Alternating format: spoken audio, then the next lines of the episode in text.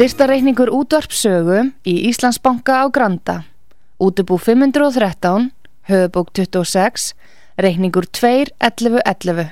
Nánari upplýsingar á útvarpsaga.is. Takk fyrir stöðningin.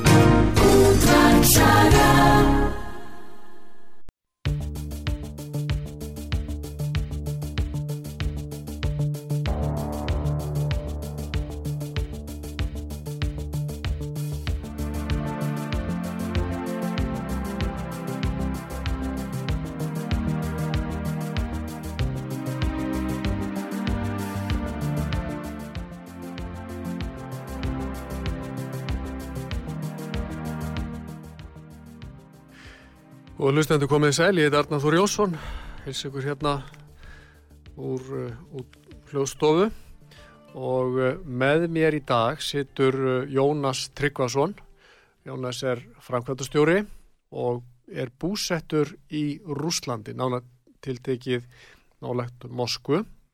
Og hann hefur verið já, búsettur þar, fast, fastir búsettur núna í eitthvað um fimm ár en hefur átt tengst við Rúsland í um 30 ár. Þannig að það verður áhugavert og ég kallaði hann hérna til mín í því skyni að fá hann til að segja mér og hlustendum frá uh, þeirri sín sem að blasir við honum þaðan sem að hann býr og varpa vonandi ljósi á það sem er eiga sér stað í Ukrænu. Nú, ég vil byrja á því þá, Jónas, að bjóða velkomin og takk fyrir að koma. Sæ, takk fyrir það, Arnar. Og uh, ég ætla nú bara svona að gefa á því boltan og, og fróðlegt að heyra hvernig þú lýsir svona, ef ekki að byrja á því bara, aðdraðandan af því sem þarna er að gerast. Þessi náttúrulega aðdraðandur er orðin mjög langur því að það má eiginlega segja hann að við byrja þegar að Sovjetrikinn fjallu niður uh, 1991 og þá verður sem sagt Úkræna sem hafði aldrei verið sjálfstætt ríki áður var bara sem sagt uh, hér að og, og síðan sko sovjest líðveldi innan Sovjetríkjana sem er allt innu sjálfstætt og það kemur í ljósa þeir eiga rosalega lítið af innviðum samfélagsins sem skilur uh, dómsvald uh, löggefavald þeir verður að búa þetta allt til sko on, on the run eiginlega sko.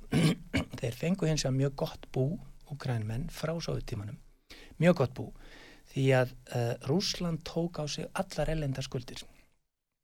Það er margir sem, er, sem hafa þekkjað þessi ukrænumál og, og fylgst með þessu að Úkræna þarna 91 var alveg óbúslega vel stæð af og hún var svo besta af þessum sovjetlífildum að því leiti 53 miljónir manna sem eru núna komnir undir 30 því að það hefur fækka bæði þau hérauðum og fólk hefur flutt alveg massíft bæði til Rúslands og Pólans og, og víðar. Og það er ekki bara í þess, þessari greppu heldur bara út af atvinnuleysi í landinu og, og niðurbroti. Annað sko mannfjöldin hann hefur mingat skuldirnar sem var skuldlaust uh, ríki og var, uh, ég þekkti mér þessu konuna sem, að kom á úkrænsku mál þarna uh, gjaldmiðlunum sem, sem að vann, vann þá fyrir Alþjóðabankan og þá bygguði til þessa þarna gjaldmiðl sem heit Grífnja sem er úkrænska Grífnjan því þeir hafðu ekki gjaldmiðl, þeir hafðu haft sóvíska rúbluna fyrir. Þannig að þeir eru með fín, stóra þjóð, er með stórt land mjög gjöfult land með mjög fjölmenna þjóð mjög vel mentaða þjóð líka. Þú verður að skera svolítið grein fyrir því að mentasteg var bara alveg þokkarlega gott aðna, á sovjetímanu voru mikið á háskólum, það var í, í, í Kíev, Lviv, Donetsk Kharkov og víðar sem voru, var, þannig var góð mentun gott ástand á flestum málum. En svo horfur á hvernig er þetta dag þetta er allt í nýðunislu eitt sem ég glemdi, yðnaðurinn þeir ofur með massífan yðnað þeir voru með bílaframleyslu, framleitu voru tvær mjög massívar bílaversmiður, þeir voru með líka, auðvitað getur við sagt, já þetta eru bara gamlir, þú veist þarna Saparosic eða, eða Lata eins og rúsninsku lötuna voru sko, engi gæða bílar, en hei, þeir framleitu bíla og þeir kerðu og þeir gáttu selt á. Oh. þannig þeir sáu fyrir sér. Þeir framlýttu voru með strætóvesmiðu þannig að allir, allir þessi innanlands eh, transportation var tekið af þeim. Þeir voru með flugvilavesmiður framlend, Antonovinn og, og, og annað. Þeir voru með skipasmíðar mjög, mjög markvisa bæði í Kív þar sem þeim smíðu smerri skip og svo niður í Nikolaev sem að þar sem þeim smíðu stór skip og voru einn helsta skip að smíða uh, staðsettingin fyrir, fyrir Sovjetrikinn. Þetta var mjög massíft sko þægilegt að smíða þar því að það frýs ekki eins og þú þurft að smíða upp í Baltik hér á honum, í mm. Pétursborg og víðar því þá, þá frýs allt yfir og það er mjög kallt en, en þarna niður frá er svarta við það, það er eiginlega mjög sjaldan frýs. Þannig að það, var, það var mjög massíft. Og, og síðan þetta er ekkit af þessu eftir í dag. Það er engin bílaversmiða sem vinnur, engin sem virkar. Það er engin, engin, engin framleysla í landinu sem slík engin íðna framleysla þeir reyndu þarna Antonov flugulaversmiðina fóru á hausin þeir voru seldar til Kína ságjörningu var bannaður og undirlega bandaríkjaman þeir vildi ekki að þessar, þessar, þetta know-how þeir, þeir gáttu smíða eldflöga eh, þarna e, eh, reyfla og annað í Antonovesmiðunum þannig að það var, það var svo að bönnuð og, og þá, það var ekki að þeir bundu borga kýminunum tilbaka heldur bara þjóðnýttu versmiðuna flugulega smiðunum tilbaka og kýmver eru alveg rosalega illir út í Úkrænumenn fyrir, fyrir þessa sko, svíverðingu sko. plata þá inn sem fjárfesta mm. til þess að bjarga gjaldráta fyrirtæki uh, tóku uh, svolítið góðan pening fyrir það og svo bara tókuður vesmiðin aftur þetta, þetta var svolítið þetta þótti ekki, ekki gott í alþjóðavirskiptum en, en uh, sko Þetta er merkilegar tölur sko og staðrendi sem þú reyfar hana sem segir mér bara standandi svona á hliðalínunni að það sé já það sé margs konar hljóta að vera margskolega innbyggð spenna í innan Úkrænu og, og mögulega þá út frá því sem ég hef lesið bara alls konar spilling sem þarna hefur grassera bæði þá pólitísk og eins bara út frá svona tengslum að hérna þessara auðmanna sem að orðið var til já, já. á þessu 30 ára tímabili. Í skjóli pólitísk og allt sem væntalega líka. Já þeir hafa kipt sér pólitíkina bara. Það er mjög auðvelt. En, en þarna ég, ég kom ekki hinga til að tala bara illa um Úkrænu, það er alls ekki veist, ég hef mikla, þú veist, virðingu ég áfylgta vinum í Úkrænu og, og allt það. En, en það, mér er svo óbúslega sorglut að horfa upp á þetta land sem ég var að reyna að lýsa sko, hvernig stóða 91 þegar ég kynist Úkrænu fyrst, sko, ég, ég fór þannig bara sem, sem student, sko, fyrst eh, bara þetta fallega skemmtilega land með mjög, mjög, þú veist, ríku ríku, sko, mannfélagi og hefðum og, og annað og að það var, það var einhver þá deilur því að þú veist Sovjetríkin heldur mjög vel um þessi þessar innri uh, þjóðarspennu það voru allir jafnir, mm. það voru allir sovjet þegnar þóður væru gýðingar, arminar þú veist, azerbaidjanar uh, rússar, úkrænumenn tatarar, hvað þeir voru sko Þannig að þeir hafa búið þannig saman í friði og, og og má segja, mætti lýsa þannig að það er stór hluti úkrænumann er það ekki sem er á rúsnesku bergi brotin? Það er nefnilega stóri punkturinn sem að síðan þegar hún myndist á það hvar byrjaði þetta, það byrjaði með þarna um 91, þar, þar þegar uh, horfir á söguna sko hver, þessi deila sem er í gangi í dag, sem er að blossa upp núna, það eru eða voru þá svona tæplega helmingur af öllum voru af rúsnesku bergibúrótin, töluðu rúsnesku sem móðumál, rúsneska var kend í skólum, það var rúsneski skólar og ukrainski skólar og það sem, þetta var svolítið eins og, eins og Kanada, þú ert með frönsku og ennsku og allir lifa happily saman og, og þú lærir pínulegt í þínum sko frankofón skóla, þá uh, lærir þú pínulegt ennsku, í þínum ennska skóla lærir þú pínulegt frönsku, allir geta kominir gera saman, þetta var setupið og, og það voru meiri segja sko skólar af, af, fyrir minnitungumálinn sem, sem voru, voru í gangi. Síðan eh, með þetta núna síðust árum þá búið að banna rúsneskuna allstaðar ofinbilla, það búið að loka öllum rúsneskun skólum. Og þeir eru með halva þjóðun eða sem halva þjóðun, þá mingaði eitthvað því að margir fluttu svo aftur til Rúslands eða hvert það fóru. Og þá, þá ertu skilur, þú ert með svo stóran hlut af þjóðinni sem allt innum verður undirmanneskja í Já. sínu eigin heimalandi. Og það Já. er ekki það að þeir hafi verið gestir í Úkran, nei, nei fóreldrað þeirra bygguð þarna, afar þeirra bygguð þarna, eh, afar þeirra og ömmur börðust fyrir þessa, þess, þetta land í, í, í setnihemistyrjutinni. Þessi saga er svo rík og það er ekkit hægt að segja, jú, nú eru við úkrænska því við öllum að tala úkrænsku og allir verður að tala úkrænsku, betur, fólk, sko það er erfitt að ræða tungumál þegar þú eldist, það er alltaf eru gott ungur en, en það er mjög margir sem á, bara geta bara ekki alveg, alveg bekjönd þetta sko. Og þetta að þetta geti fungera saman, það var eðlegt en þetta að er að búa til sko af þessum stórum þjóða einhverju sko undirmanniskjur, það, það er algjörlega óþálandi og það, þeir eru búin að þóla og þóla Já, og, þannig að þannig er annar sko spennu þáttur, spennu þáttur sem, sem hefur væntalega þá magnast upp núna á þessu tímambili sem þú ert að lýsa. Já, já, og, hann hefur verið búið til eiginlega sko, hann hefur búið, artificially verið búið til hann var ekki til þessi spennu af hálfu stjórnvalda. Í Ukrænu eða hvað? Já, já, í Ukrænu, þeirra sem komið sko, til valda. Rúsatina hafa setið rosalega sko hlýðar, gerið bara það sem viljið í Ukrænu Okay. Veist, eh, já, eh, því að það er, það er annað í rúsarnir náttúrulega tóku við alveg, ef, ef Úgrænum tóku við góðu búi eftir Sovjetríkinn, þá tóku rúsarnir við frekar slöku búi. Þeir tóku alla skuldirnar, já. þeir eru að vinna uh, út úr öllur þessum sko, uh, deilum sem voru, þarna voru, voru að koma upp. Þeir eru að, að en endurbyggja, það var líka þetta sko, sipað gerist í Úgræna að mikið af, af þessum egnum voru teknar yfir af ólíkörkum það, það öll svo, svo öll bylling. Rúsarnir voru bara að taka til heima hjá sér. Þeir hafði engan tíma fyrir Úkrænusins líka þeir leta hann alveg í friði. Okay. þetta er 90, þetta er, þetta er inn 2000 þetta er langt inn þeir, þeir voru ekkert að skipta sér af. Ok, en ef maður reynir að skilja þetta bara svona Já. mannlegum nótum að, að sko Úkrænumenn á meðan þá rússar eru að reyna að ná einhverjum tökum á bara sinni stöðu þarna eftir, eftir Berlínamúri fjell og allt það. Já. Eh, þá eru úkrænumenn með samahætti að vinna úr bara sinni fortíð og, og þá kannski hefur orðið til uh, svona svo hugmynd að all, allt sem að miður hafi farið á fyrirstíðum hafi verið rúsum að kenna. Það, það er almennt í þessum fyrir sovallítum, þeir gáttu kent rúsunum allt en þeir gáttu aldrei þakkaðan fyrir neitt sko. Að þú skoðar það sem gerist í, í þarna uh, Lettland og Littland, Íslandi, þú veist þar þessi rúsarnir voru bara vondir en þeir byggðu upp alveg massíman yðnað hjá okkur líka sem þeir höfðu ekki, þetta voru bara sveita kallar í, í þarna, þessum eistrarsarslöndum en svo mm. byggja þeir upp alls konar yðnað tækniðina meðal annars, það voru sjónvarsframleyslu sem þá þóttu voðalega fínt útvarsframleyslu, mm -hmm. það voru, voru ímið svona tækniðina livja, livja yðnaður var mikið þar Já. sem að, að sovjetminn gerðu fyrir sko eistrarsarslöndi, þannig að þau Já. tóku við þessu þegar þeir fóru, en það er, aldrei, það er aldrei þetta þakka sovjetunum fyrir, þá má bara, þeir voru bara vond en, en skilur, já, það er alltaf tvær hlýðar á hverjum peningi. Og, þetta hjálpaði mér daldi til að skilja sko bakgrunin í þessu en þá verður maður líka, líka um leið pínlítið svona, já, nánast svona fyllist maður óhug vegna þess að með að við lýsinguna aftur og þú leiðir þetta með aftur ef, er, ef ég er að segja eitthvað sem að stænst ekki að með að við lýsinguna að svona tveimur mjög tengdum þjóðum sem hafa eiga allar þessa sögu og fortíð e, þegar að ófriðu bríst út eins og gerst þarna þá hefur þetta allir einkenni bara í rauninni borgarastrís myndi ég halda.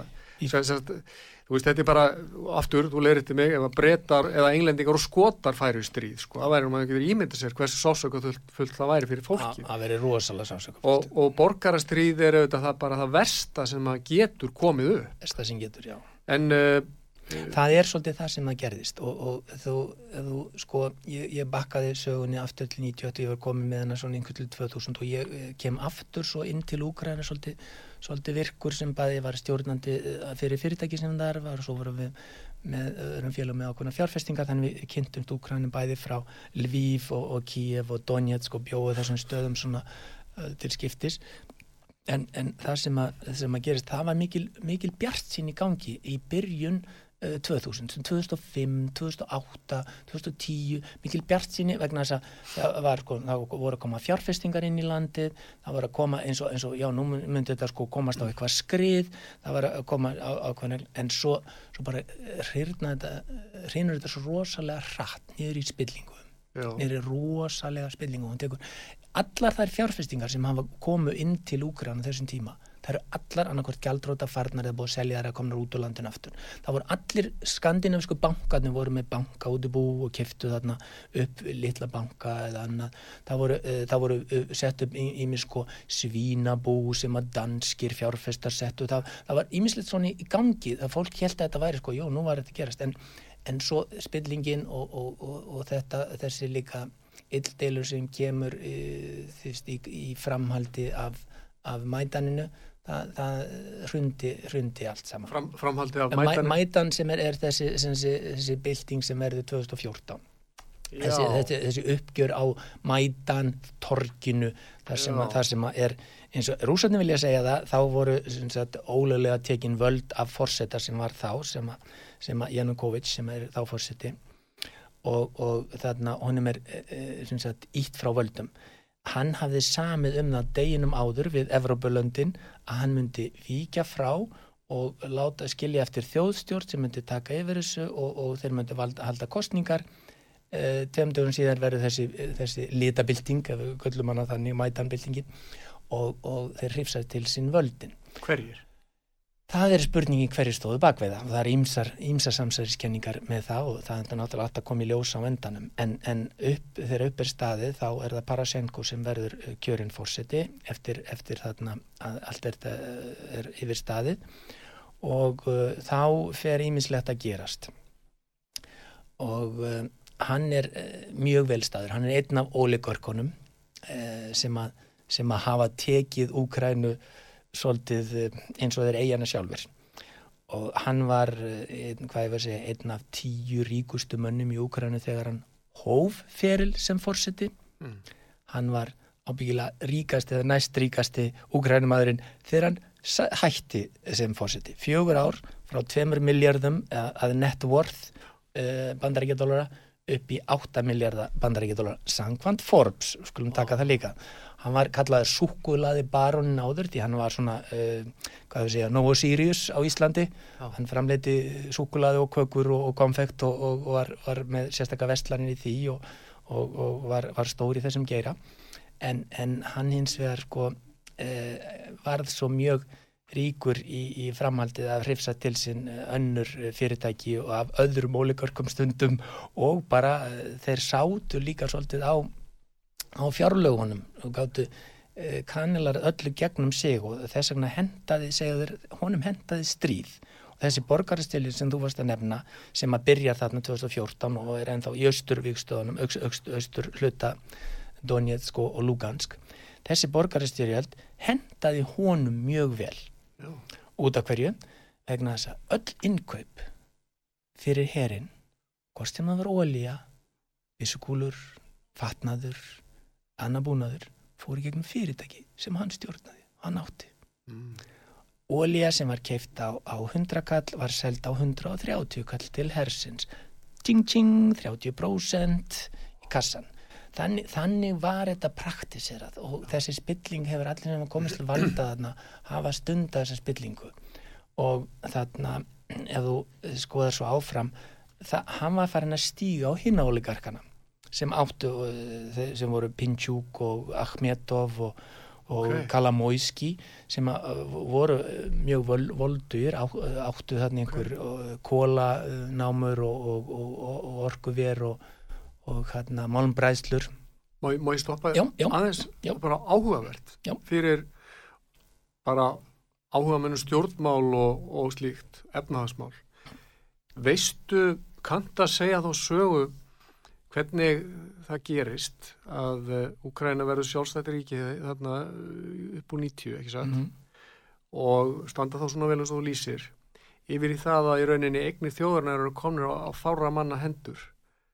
Sko getur upplýst hlustendur um það hvernig, gott, hvernig þetta gerðist Gott, gott þarna orða sem við nota hér hostile takeover Já. þú bara leggur undir þig eh, þarna eh, kaupir eh, tvö hlutabref bóða til hlutabref fundar hinn er ekki bóðnir, þú breytir hlutavallinu þetta er fullt af hostile takeover þessi me mekanismi hefur verið notaður. Það er massít og þetta var náttúrulega notað í Rúslandi líka með ríkisegninar þá me, með ríkisegninar, já, já. já. Þegar, það, eru, það voru þá settar á almenna markað já, það var þessi sko, privatisering sem var átt að vera alltaf og var líka tíska hér líka. Við privatisering bankan okkar líka, ekki glema því og já. það fór ekki droslega vel þessum sko. En, en þarna, þessi privatisering öll sameign uh, almenningssangvað þessum uh, varð að vera sko engavætt Veist, og, og Náðu þetta til allra hluta sem við getum kallað bara innviða líka Já, það fór ekki, í samverkungumannvirkin vegna þess að þau, þau voru það lélugu ástandi að það er svolítið erfitt að kaupa eitthvað ofsalega ónýtt og getur ekkit grætt á því sko, skilur, Mhm. þú kaupir það sem er, er svo notæft Já. Eh, þannig að það fór ekki eins langt eins og til þessi Breitlandi sem fór að engavæða jábruta uh, teina og eitthvað, eitthvað svona dót sko. Mhm. uh, það fór sko Ríkisbankin var engavættur uh, Ásjadbank og, og seldur og uh, mikið af, þessum eignum voru, voru sagt seldar á, á túkall til einhverja sem voru eða, eða voru settar á, á markað og allir fengi að kaupa og svo var það bara tekið yfir. Þannig að það eru, það voru mjög massífir auðmenn ólíkarkar er orðið sem er notað núna sem að stjórnu þessu. Vor, voru sko erlendir uh, auðmenn með klædnar í svo líka? Ekki mikið, það Nei. voru einhverjir rúsnesku þarna uh, ólíkarkarnir og, og sumir af rúsnesku ólíkarkarnum í dag eru fyrir um Úkrænum en líka. Þetta, þetta var það eh, tengt sko til þess að stærsta banka enga, hvað ég segja, bankakerfið í Rúslandi heitir Alfa Bank í dag það er, er þarna góður gýðingur frá, frá Lviv sem að eh, þarna byrjaði í Ukrænu og var svo eh, sterkur í, Rúslandi og býri algjör, í Rúslandi og verið einmitt undir viðskita hindrunum núna þó hans í Ukrænumadur og, og hérna en, en býri í Rúslandi, að allan hans eignir eru þar. Þannig að það var ekki mikið um að þetta var ellendir aðeinslega fyrir þetta þessi sko rúsnesku og ukrænsku tengsl sem voru, voru Ok. að koma inn. Það var ekki sko einhverjir uh, þú veist, evrópskir eða svoleiðis. En það Ok. hins vegar, hins vegar, það var tölvöld af á þessum tíma mikið af fjárfestingur sem kom inn. Fólk held að þetta land væri Já. að fara að stíga það verið landtækifæra landtækifærana, já, Já. einmitt. En áttaði sig ekki á því að það var sagt, veikleiki sem að við getum kannski eftir á að hyggja líst sem pólitískum veikleika? Pólitík og spillingin var svo bara hún er, svo, hún er bara gegnum allt sko. Og það er annað spillingin er líka hún fer líka í dómsvaldið. Og, og það, er, það er það sem er svolítið, svolítið sorglegt að, að þegar að þú getur keiftir dóm. Þannig að þú, þá dæma dómararnir ekki eftir lögunum heldur eftir uh, pöntun? Eftir pöntun, eftir pöntun. Og, og það, það eru líka það er þekkt dæmi sko þú kaupir þeir dómarasæti. Já það er svoleiðis. Já, þetta er bara svoleiðis. Þú, þú veist þú þarft að leggja svolítið góðan pening út til þess að fá þér dómarasæti í einhverju hérastómi eða, eða einhverjum, þetta er náttúrulega það voru 26 hérað á sínum tíma sko og sér er náttúrulega fækkað aðeins núna. En, en þarna uh, þá er sko hver, hvert héraði með sitt dómstig og síðan er náttúrulega sko uh, hæstiréttur setna sko en eru, það eru þú veist þarna þrjú dómstig þann, Já. þannig kaupir þið dómarasæti, kaupir þið fyrir góðan pening þá farið, getur þið sett og þú veist þú farið þetta allt tilbaka á einu ári eða eða einu hálfu ári, þú ert búin að fá allt það sem þú læðir út Með mútum með mútum, með mútum með, með Já, það er dóm, svona. það er bara, það er bara þetta er staðan eins og þú ert að tekna hann upp þarna Já. E, svo bara örstuð það er þetta, myndur segja það sama gildi í Rúslandi ekki, ekki lengur. Þetta Ekki lengur. var á tímbil, þetta er svona 90 í Rúslandi er, er þetta svolítið að koma í gegn. Ok. rússarnir eru rosalega massíft búin að taka til. Ok, og ég veit, að, ég veit að má ekki segja neitt fallegt um Putin uh, en, en þarna Putin hefur tekið til í Rúslandi ok. En ég slóði sko aðeins út af lægin hugsalega áðan þar sem þú var stattur að lýsa í raun og veru Pjötur því sem gerðist þarna Já. eftir eh, 2014 já, já, er að þessir svona ólíkarkar Já. voru farnir að láta til sín taka til sín taka einmitt og, Og- Pjötur Barasenko sem var þá kjörin, for, kjörin forseti e, í þess, eftir, eftir þessa, þetta, þessa litabildingu Já. hann e, sem sagt byrjar að, að þr, þjarma að hinum mm -hmm. hinum, Eh, hinum hinum ólíkarkunum Já. því að þeir, þú veist, þetta er svona eh, þú veist, er að boys club og ég, ég tek leikfangi þitt og þú tekur leikfangi mitt og ég næði tilbaka en að því ég er stæstur að því ég er fórsetin þá má ég meira og þú get ég notað ímislegt annað til þess að eh, önnur uh, instrument til þess að ná þess að þér sko skilur þetta er bara Ísl, þetta er úkræðin störnungaöld þetta er já eða, eða sandkassi í góðum leikskóla einhver staðar þar. Þannig Já. að, að þarna, þetta, er, þetta er það sem að var að gerast og þetta með, með Pjóttur Parasenko sem að var þá var fórseti og var, að- var að gera sér svolítið gildan en hann var búin að stíga svo mikið á hina þeir ákveða að finna sér annan fórsetaframbjöðanda gegn Mm. honum þar finna þeir, það voru margir tilkallaðir en þann finna þeir þennan Selenski Selenski er spaugleikari hann er grínari, hann er ofsalega fyndin hann er ofsalega sagt, uh, skemmtilegur en hann er trúður mm. Hann, er svolítið, hann er svolítið eins og Jón Gnarr var, Jón Gnarr var ofsalega skemmtilegur mm. uh, borgastjóri hann var uh, skemmtilegur sem pólítikus skilur við höfum ofsalega gaman á hann hann kom og klifta á einhverja leikskólaborða og, og, hana, og allir hlóu að því hann sagði eitthvað nittið og, og þetta var svona uh, létt jók. En þetta er þetta er á þeim tíma, þú veist, þú gerir ekkit mikið af þér sem borgarstjóri því að maskina virkar, það er byggður leikskólar, mm. sundlögar, dvalarheimili uh, það er, það er einhver snjómókstur það er, þú veist, það er þessi issue sem er reygin, en þegar þú hefur svona trúð sem að verður fórseti, sem hefur hervöld, sem að er aðstikoppur og sem að stjórna, það var svolítið hættulegt, en hann vann þessa kostningu, Selenski vann þessa kostningu og ég held að hann hefði unnið hana rétt þessi ekki fölsu, það er ofta alveg um falsakostningar hérna og ég held að hann en það var mjög næmt á þeim mjög, mjög nálagt Parasenko bauði sér fram aftur sko. Og Selenski eh, er kosin en hann var uh, bara, sagt, skilur, hann spaugar henni leikari. Hann hafði leikið í þáttum sem að voru mjög vinsalir í Úkrænu þar sem að leik fórsett Úkrænu mm. og, og hérna þannig að þeim fannst þeim vera bara fá fósittan en þeir fættu ekki að það sem er í skriftinni það sem er í handritinu er ekki alltaf það sem maðurinn hugsaður að segja þegar hann er orðin fósiti mm. þannig að það hefur komið ímsar e, e, kenningar út úr þessu og, og, og upp, upp á komur en Selenski er stuttur af Kalamóiski og fleiri þarna e, ríkismönnum sem, sem að eru sem sagt koma honum til valda og nota hann sem lepp alveg, alveg fyrir sig þannig að þetta, þetta heldur áfram og, og á tímanbili þá eins og ég var búin að segja við þig áðan að, að þarna stríðið hendaði Parasenko það henda líka Selenski mm. að halda fram í stríðinu við austur, austursvæðin þar sem eru uh, Donetsk og Lugansk. Þetta borgarastrið er búin ganga á í sjö ár. Hendar það honum að því að þá er, er þetta þá svona sameinandi afl sko, sem að getur sem að knúið já, áfram já, margt annars Sameinandi afl já. er eitt og það líka, það réttlætir þér ímislegt annað. Já, ég skil, svona og, neyð, kannski einhverja svona ráðstafanir í undir hérna yfirskinni neyðar eða... Já, já, það já. er eitt og líka geta alltaf kallað ég er í stríði og segja, þú veist, þetta var ekki fyrir hún, þeim var þetta ekki Donetsk og Lugansk sem voru, þú veist, að berjast fyrir að fá, fá sjálfstæð á sínu svæði. Já. við fáum að velja, við búum hérna við erum, þú veist, þetta er ættjörðin okkar. Já. við viljum fá að velja hva, hvaða tungumál við tölum, hver, hvernig börnina hvað gangi í skóla, við viljum bara fá að velja.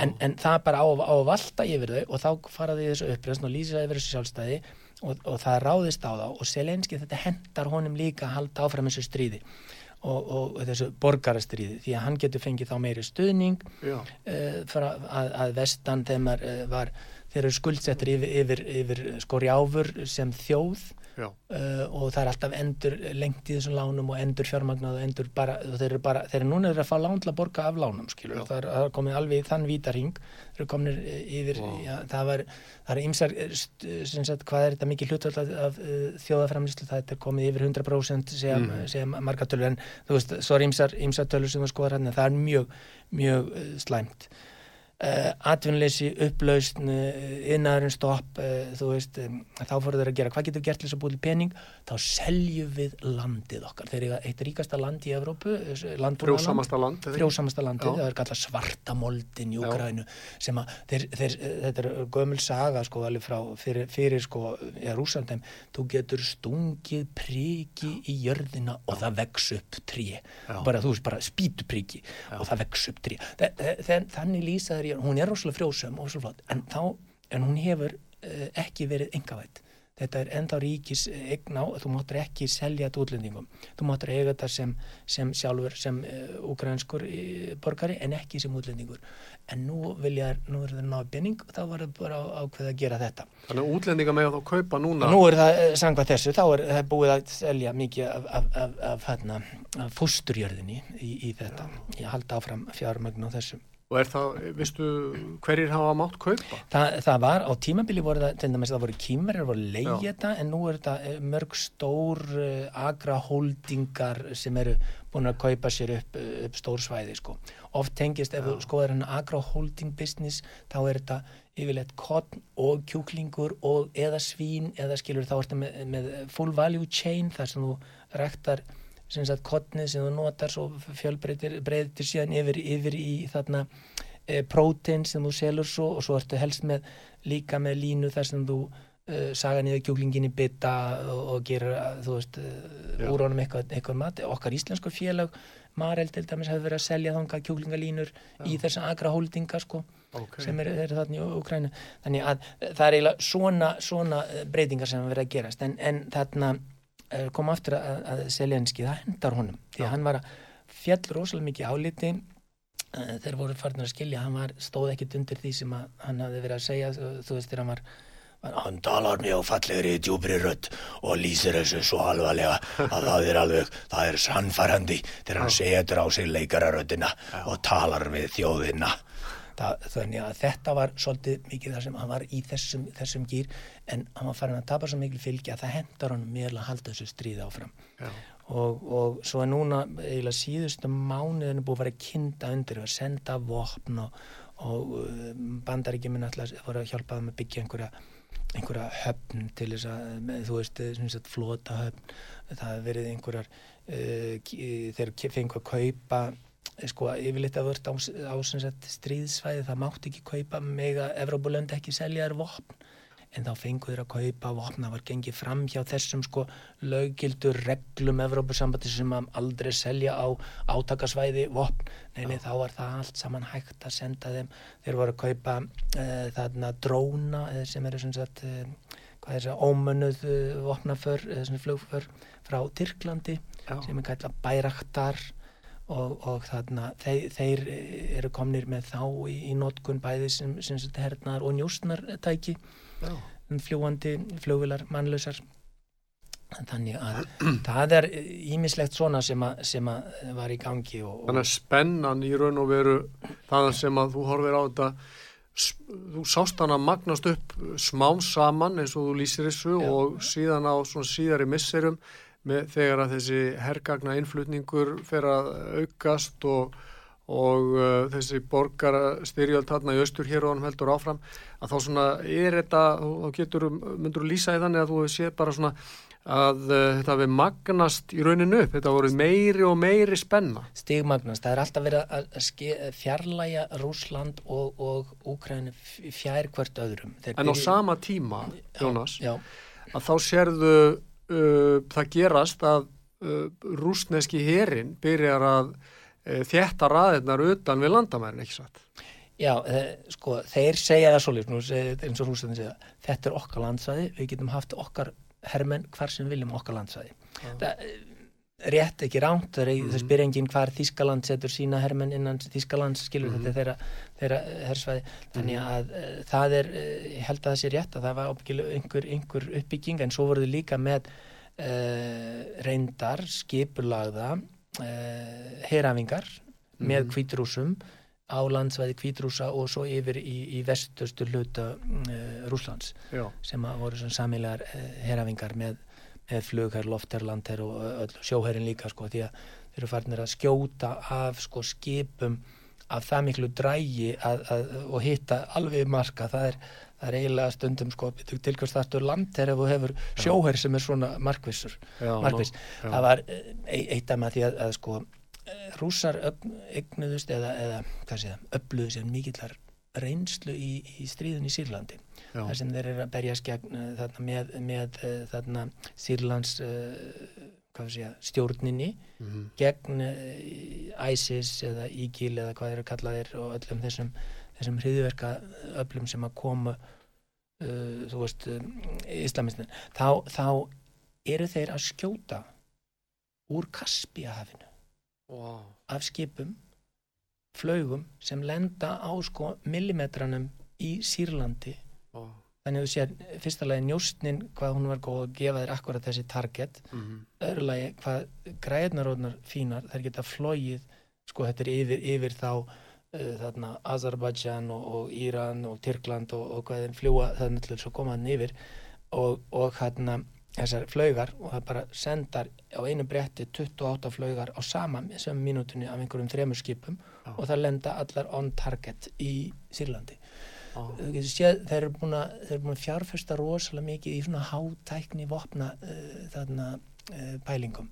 Þannig voru þeir að pröfa. Mhm. En þeir, þeir turkuðu út líka, þú veist, þessa, þessa þarna, terrorista að, og, og þau öll sem voru í Sýrlandi og nú er Sýrland nokkurn veginn að ná sér tilbaka eftir þetta, þetta slag ástand. Ég, ég ætla ekki að komendera á Sýrland en ég bara tók þetta sem dæmi um það að, veist, þegar þessar herravenga voru, þá voru við með svo, voru þeir að einmitt að nota einmitt líka þessi, þessi nýjustu tækni og, og, og, syngra sér saman við við, við kvítrúsa ef þeir þyrftu að, að berja saman og, og kvítrúsar voru búin að lýsa því yfir að þeir myndu standa með uh, Lugansk og Donetsk ef að það þeir ráðist á þá þannig, Ok. að, þannig að það var, það var líka partur af, af þessari, þessari umræðu sem, sem að Ok. kemur, kemur þar fram Ég, ég velti þessu fyrir mér sko, ég velti því fyrir mér þegar maður horfði á þetta svona uh, já, stigmagnast uh, og ímsir leiðtóar gengu á fund Pútins þegar ræða við hann uh, þá sko svona eftir áhyggja þegar ég horfa á þetta þá sýnist mér að þeir hafi í rauninni haft á trú að hann væri ekki alvara með þessu mm -hmm. og svo þegar að hann leti skara skriða og þeir fóru raunverulega inn e, þá er allir bara rosalega hissa Hissa, já. e, og þá, þá segir manni einhverja sögu um það kannski að menn hafi ekki verið næjanlega bara uh, já, hafi ekki, ekki þekkt óvinnin það er kannski einlegin til þess að orða það? Þeir, hafa, þeir eru ekki óvinnur og, þarna ymmit eftir, eftir að Rúsland verið sjálfstöld eftir, eftir fall Sovjetrikjan þá voru Rúslandir alltaf að býða eftir að Evrópa er þið vinnveitt þeir voru, að var alltaf verið að býða eftir því að rúsneska hvað þeir segja, náttúru auðafinn sem er óendanleg já, og evróska yðnvæðingin og, og evróska tæknin myndu ná saman og þetta er þið stærsta hagkerfi heimi já, ef þú nærið þessu tveimur saman. En uh, þú veist, fyrir þannig þú stækkar þannig markaðin sem er 350 miljón Evrópumanna í, með 150 miljón rússum í viðbót og, og þeim hér. Þú, þú fær þessi sem sagt, aðganga öllu þú veist, gulli, platuníum, úraníum uh, skógi, fiski uh, olíu, gasi uh, þú veist, öllu sem þú dettur í hug það er allt í bóði í Rúslandi þetta var það sem allir voru að býða eftir, Rúslandum voru alltaf að býða eftir þessu líka. Já. og, og, og, og það eru allar forsendur til þess að þetta gæti gert sögulegu, menningarlegu og, og Ja, Já, algjörlega að þú skoða líka söguna ennþá lengra aftur, er þetta ekki bara að horfa á sovjetíman að þú skoðar eh, keisaratíman, þá Já. voru keisarinnir voru af evróskum keisarættum og þeir áttu vini sína það var töluð franska við, við rúsnesku hyrðina og franska var það mál sem var, var, var sko, tíðkast þótti, þótti, þótti svona yfirstjættamál eins og við töluðum hér á Íslandi töluðum við dönsku Já. að því að það var yfirstjættin okkar hér Já. og þótti búið að fínt að slá um sem er dönsku Þa, þa- þannig að sko tengingar á milli Rúslands og Evrópu voru alltaf sterkar.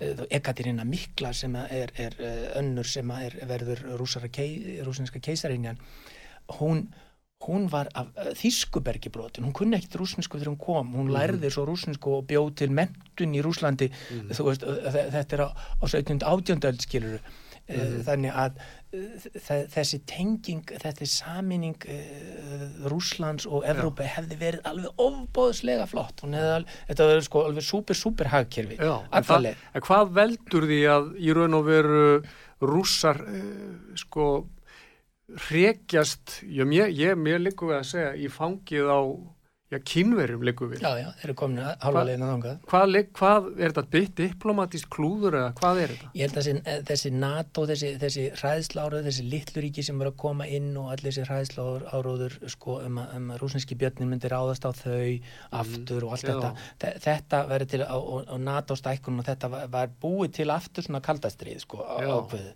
Það búið að vera að fara í þær eh, gryfjurnar núna undan farið með, með, með þessu sko tali NATO þeir, þeir hafi opnað dýra og allir megi koma. En byrju, byrju, hvað með okkur segja, rúsarnir, hvað með okkar öryggi? Byrju, megi allir bara setja bara, þarna, eldflöga bara við, við hliðin á landamærinu okkar, það er bara allt í lægi Já, þú veist, það var búið að lofa þeim 90 og, og þegar þeir tóku herina út úr Þískalandi því þeir voru alltaf með herstöður austu Þískalandi og Pólandi og, og Rúmini og víðar, að þegar þeir taka það alla tilbaka, þá var þeim lofað að NATO myndi ekki fara austar. Já, það eru komin ég man ekki hvort það er 11 ríki komin inn í, í NATO af þessum löndum sem var á þessu svæði og færa þetta alltaf nær og nær. Þannig að þetta er náttúrulega einn af þeim, þeim pólum sem ítir rússonum frá uh, Evrópu og, og næri ekki, þeir ná ekki alveg saman.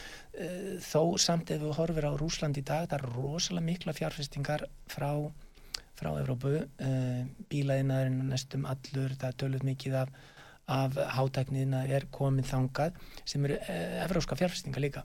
Í Rúsland? Já, í Rúsland. Þannig að, að það, er, það var ákveðin svona, uh, þú veist, tenging á eitthvað byrja en svo, svo hefur þetta eiginlega staðna og núna þessar yfirlýsingar að að Shell og BP allir allir að selja sínar eignir því þeir áttu þá einhverjar sko bæði þarna Eh, olju uh, vinslu stöðvar og einni fjárfestingar í oljunámum þannig að, að, að nú ætla þeir að selja þetta allt saman að þeir fara, fara útrúst þannig að, að við förum aftur í, í þetta, þetta stríð. En það eru tveir búndar sem ég, ég, ég aðeins skautaði verið aðeins að fá að koma aftur. Talaður um borgarstyrjöld og austur hlutan á þessum svæðum sem eru Donetsk og Lugansk og eru núna þessi yfirlistu sagt líðveldi það búa fjóra miljónir manna á þessum, þessum svæðum. Þetta er allt rúsnesku mælandi fólk. Og þeir eru búin að vera í sjö ár eftir að Minsk samkomlaði var sett, sett á eru búin að býða og vonast eftir að hlutinu myndi lagast um til að hætta að vera að skjóta á það þeir eru allan þennan tíma eru þeir búin að vera undir árás. Það búin að vera að skjóta á þau fyrir, veist, og það hendar þú veist, eh, eins og ég sagði Selenski og þeim sem Björn mm. Parasenko sem var undan að halda upp þessi stríði þeir, þeir hafa ekki, er ekki viðkend af neinu landi, mm. þannig að þeirra, þeirra vegabrið veru hverki tekin mm. þeir get ekki ferðast neitt, þeir get ekki farið neitt, þeir get eina sem þeir geta farið til Rúsland, Rúsland leifir, leifir þeim ferðast á þessum pappirum sem eru þeirra lokal vegabrið, mm. þannig að það, það er búið að gang, fara alveg rosalega illa með þetta fólk þetta er, þeir, sem sagt og ef þú mátt gera það að fara illa með fjóra miljónir manna mm -hmm. stanslust dag eftir dag í sjö ár mm -hmm á þessi nokkuð og það er enginn sem segir þessa hlið. Það er aldrei sem þú kemur með einhverja sko fréttamenn sem fara til Donisk og segja já þið hafið það frekar er þið þurfa að búa í kjallaranum að því að það verður að skjóta á ykkur á kvöldin sko skilur það, það er enginn sem segir þessa hlið og þessi hlið verður aldrei heyrst eða heyrist aldrei hérna megin. Ja. þú, þú sér þetta einstakar sem rúsanir af ekkit frekar mikið verið að plagga þessu en já eh, á kunningi aðna eh, á þessu svæði og, og svo, svo eru nokkri sem hafa flutt upp til Rúsland sko, þeir hafa ekki þólað þetta lengur mm. þeir, ger, sagt, eh, þeir gátu fengir í rúslandgaríkisborgari eh, öllir þessir og það var eitthvað af þessum fjórum miljónum manna eru vist um 700.000 sem hafa tekið rúslandgaríkisborgari tvöfaldaríkisborgari með Já. Donetsk og rúsneskan okay. og það hefur opnað fyrir þeim þegar allavega geta veist, gert eitthvað, farið eitthvað veist, verið okay. eitthvað Ok, við þurfum að taka hennar stutt auðlýsingarlið og komum svo tilbaka, haldum þá áfram. Takk fyrir fram að þessu.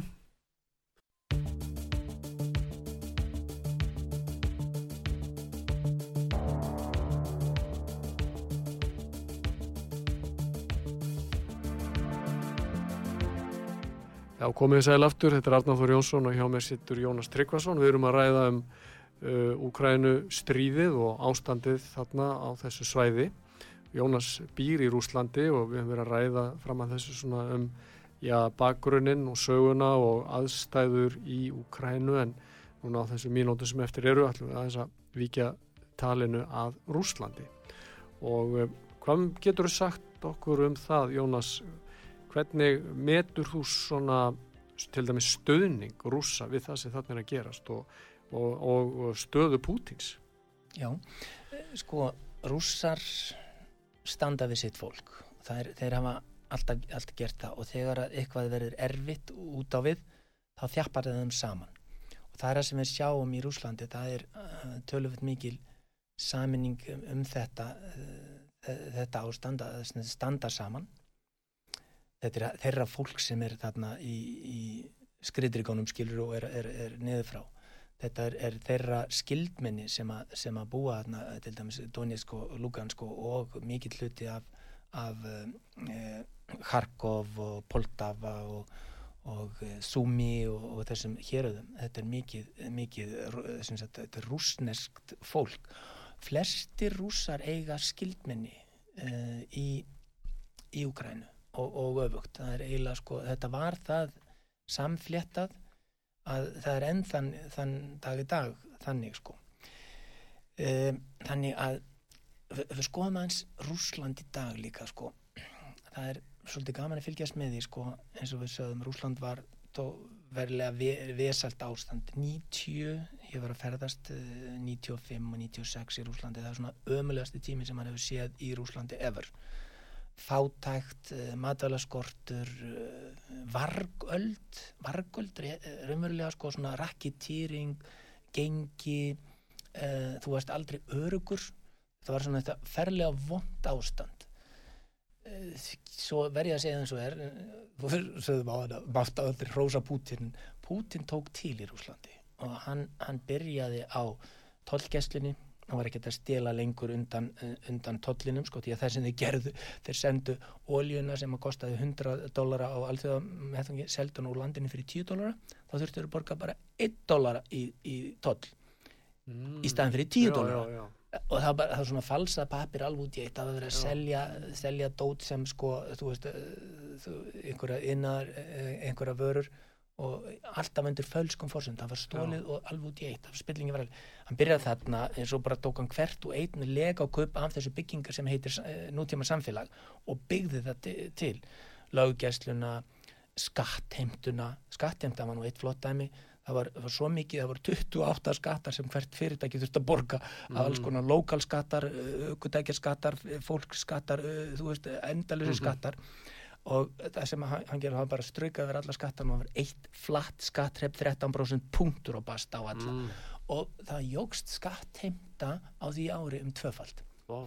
og samt við mjög leðlegar efnaðislegar ástæðin sem hann taka við þarna og, og rúblan fjell og það, þið minnið þetta 98 voru öll asísku tíkristýrin fjallu og, og það var fullt af svona kreppum í heiminum síðan er hann að byggja þessa legokupa uh, löggæslu, skatta uh, herin, helbriðstjónustana mentakerfið, menningakerfið þú veist, eitt transportation, þú veist yðnaðin, byggja þetta hvern og einn kuppinu eftir öðrum og gera það þokkalega sterka.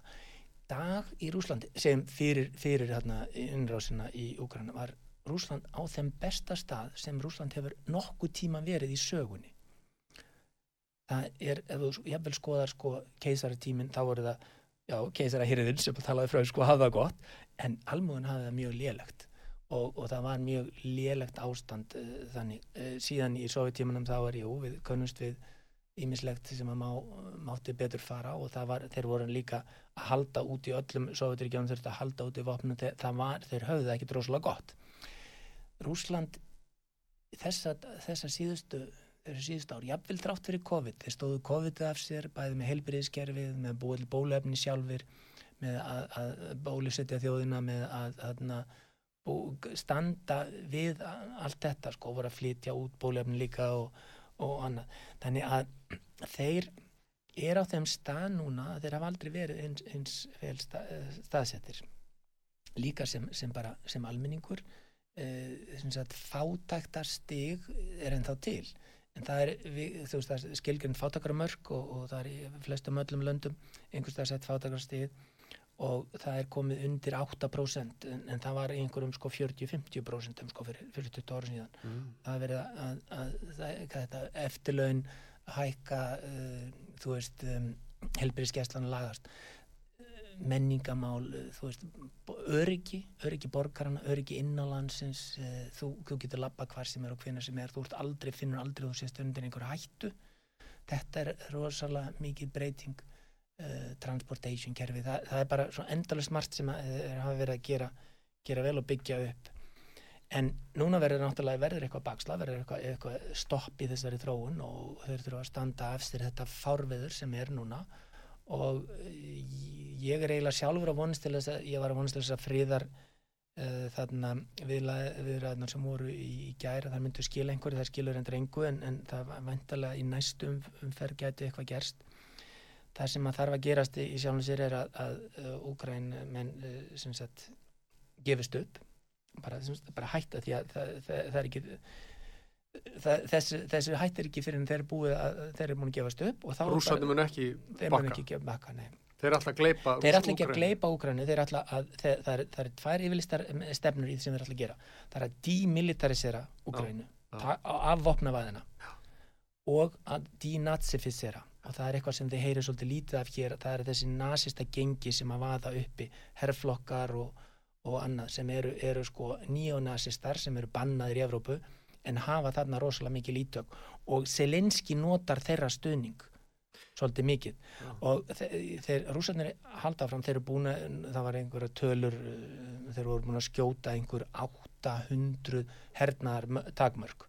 Og þá er það uh, herrflugvellir, radarstöðvar uh, þú veist, loftvarnar dæmi, þú veist, herskip er, þeir eru búin að vera í þessu þetta er búin að vera í gangi núna síðustu, síðustu dagana þannig það, það er ekki hægt ég er að vonast til eins og þau verið bara ef þeir, þeir gefast upp núna Eh, sagt, og, og, og það bara samið um vopnallið, uh. þá, þá stoppar allt og þá þarf að bara fá góða þjóðstjórn þar sem er, kemur fólk sem er ekki óligarka einhverjar undirtillur mm -hmm. uh, og, og eða, eða með einhverja nazista eh, þarna tiltekta.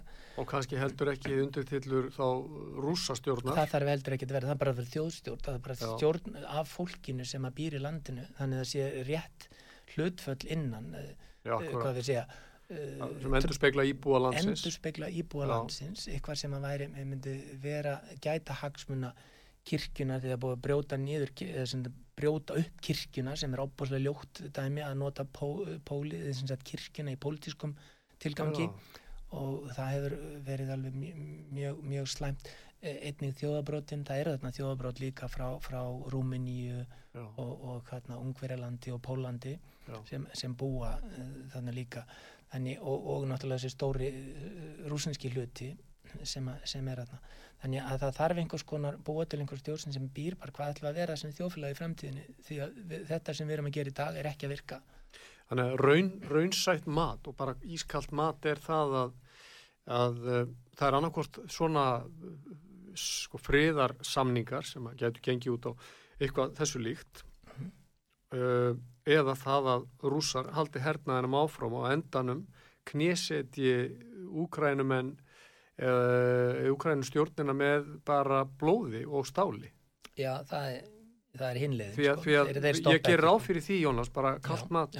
e, þegar þú ert með sko rúsneska björnin andandi honni hálsmálið á þér að það e, menn geta væntala barist og sínt baróttu hug og djörfung í þessu en þetta verður þetta er sannilega bísna já, bara nánast vonlaus baróta eða Já, já, ég minna, svo er verið að segja að það er að senda meiri vopn og meiri vopn, það er bara til þess að lengja í þessu stríði, það ætti að stoppa allan vopnarflutning inn á, inn á þetta svæði í dag, af, af vestuveldunum skulum við segja, af okkar, þarna evrósku þegar að horfa upp á lönd eins, eins og, eins og þarna, sem hafa verið hlutlaus í gegnum tíðina, Ísland hefur verið mikið þó við sem er natáður, meira og minna hlutlaus. Mm -hmm. uh, við sjáum lönd eins, eins og Svíþjóð, eins og Finnland sem hafa verið sko hlutlaus og ekki tekið þátt í svona málum þeir eru líka núna allt í hún að fara að senda vopn þarna Já. og hlutabriði SAP segður hafi aukist að hækka mikið vegna þess að þeir, þeir eiga líka eitthvað af, af vopnum sem er alltaf að senda og, og sænska ríkið allar að borga fyrir Gerir þannig að þetta og ekki er, er, er það vesta því þetta bara framlengir í stríðið okay. og þá held, halda vestuveldin áfram að berjast við rúsneska björnin fram að síðasta úkrænumanni Þá, þá myndur sömu segja að uh, áhyggjur uh, vesturlandabúa gætu uh, byrst í því að þeir myndu ímynda sér að þá er þið næsta skref hjá Putin hann myndi þá halda áfram, hann tæki þá Eistarsalslöndin, hann hugsaði sér að endur hinda þau. En af hverju getur bara semjum þetta bara á áður en það verður eitthvað issue? Þeir hafa aldrei sínt neina tilmerkjum að taka Eistarsalslöndin aftur. Nei þau voru, svo bara skoði líka söguna, þau voru alltaf partur af rúsneska keisardæminu þannig það tilherði og það hefur alltaf verið mikil rúsnesk og það er þarna sko rúsneski minnilötar og bara um 40% í sum og 20% í einhverjum hennum liðutunum að þessi, þessi fjöldi manns er búin að búa þarna í fjórar, fimm, sex kynnslóður síðan að það var keisartímin og, og þeir hafa aldrei, þeir eru ekki rússar, þeir eru, þeir eru, skilur, við erum lettar en við erum rúsnesku, við tölum rúsnesku, við erum rúsnesku bergi brotin veist, og það, það er þe- þetta mix, að þe- þetta fólk skulle vera gert second class þjóð megi ekki kjósa, megi ekki fá veðabref, það er óbúslega ljótt og það hefur Evrópa á samvinskuna og eftir svolítið að einhvern tímann að vakna upp og segja byttu við, við sem erum bóðbyrjar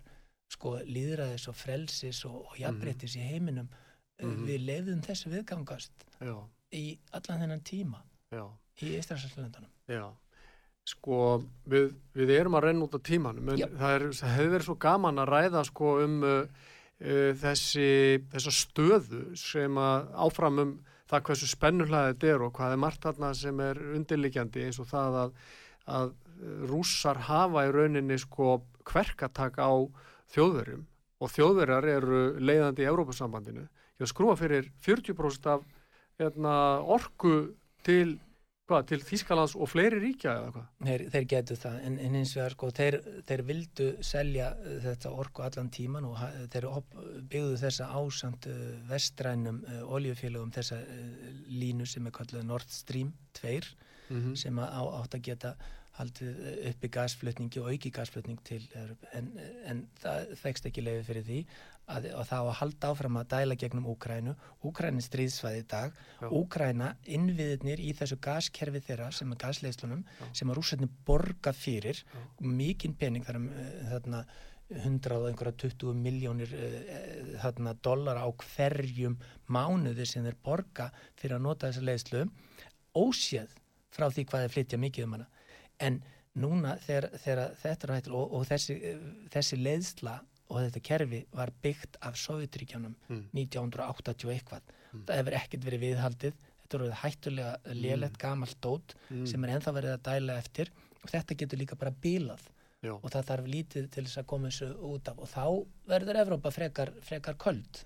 En sko staðrindin annars sem við hefðum líka geta rætt um í lengri, lengra máli er að í raun og veru vekur þetta manni til umhugsunar um það að Evrópa, Evrópa hafi vannrægt að horfast í augu við sko grundvallar atriði sem við getum kalla bara einhvers konar real pólitík sem að kallast bara öryggismál og orkumál og uh, höfum verið í einhverju svona einhvers konar, uh, já, blekkingarheimi liggur við um það að allt er bara áfram friðsælt og ekkert myndi gerast og stríð væri liðin tíð Já. sko, rússar er ekki á þessum stað verist manni, þeir eru búin að vera bara á fullu í, í að sinna þá, vendalega sinnum orku og örgismálum og, Já, já. og byggja upp innvið eins og þú Bygg, lýsir byggjum innviði og, og byggja upp eh, sterkan hér aftur og, og komið með fullt af nýjum vopnum sem eru sko uh, langt, langt á undan því sem er að gerast annar staðar Þeir, en það er svolítið líka verið íta þeim í fangið á, á kýmverjum og kýmverjar er það stórt, stórt land að, að, þarna, og, og mikill markaður að þeir eru eftir að taka við öllu sem að rússarnir geta selt og rússarnir eru líka að kaupa rosalega mikið af kýmverjum nú þegar í dag. Mm. eru að skipta út fyrir, fyrir það sem að uh, Evrópa og Bandaríkin hafa verið að selja það Já, við komumst ekki lengra hjá mér. Tíminn er útrunnin en uh, þú veist, þetta er búið að vera virkilega upplýsandi og áhugavert. Ég get ekki sagt að þetta sé beinlinnis þetta skemmtilegt. Þetta er þetta áhuggjumál fyrir alla sem að á þetta hlýða á alla sem fylgjast með þessu í einu stóra nei, En uh, nú heldur þú aftur til Rússlands. Nú þarf ég að finna góða leið eftir einhverju krókaliðum. krókaleiðum til að komast til Rússland þegar búið að loka mikið ég fænt að flýja gegnum, gegnum Istanbul og þá inn. En ég segi þetta er, þetta er alls ekkit sko, gamál, þetta er, þetta er sorglegt að horfa upp á þetta, þetta eru bræðra þjóðir. Já, og í dag var ég að tala við kunningja minni í Úkrænu sem að, uh, þurftu að fara niður í skotbyrgi að því að það var loftar á sér í, í dag var ég að tala við vinni mína í, í Moskvu sem, að, sem eru, eru sko opáslega sko, uh, tví, tvíkjandi yfir þessu því að þeir, það er endalist verið að ráðast á þá líka eins og þeir hafi verið að taka átt í þessu sko þannig að, að þetta er Þetta er ofsalega erfitt fyrir svona, svona bræðra þjóðir og maður ættum helst að vera svolítið hlutlaust þegar svona bræður berjast. já. Við látum það vera að loka orðin. Takk fyrir að koma Jónas og gangið vel í þínum störfum og á þínum ferðum þarna. Takk, takk. Blessaður.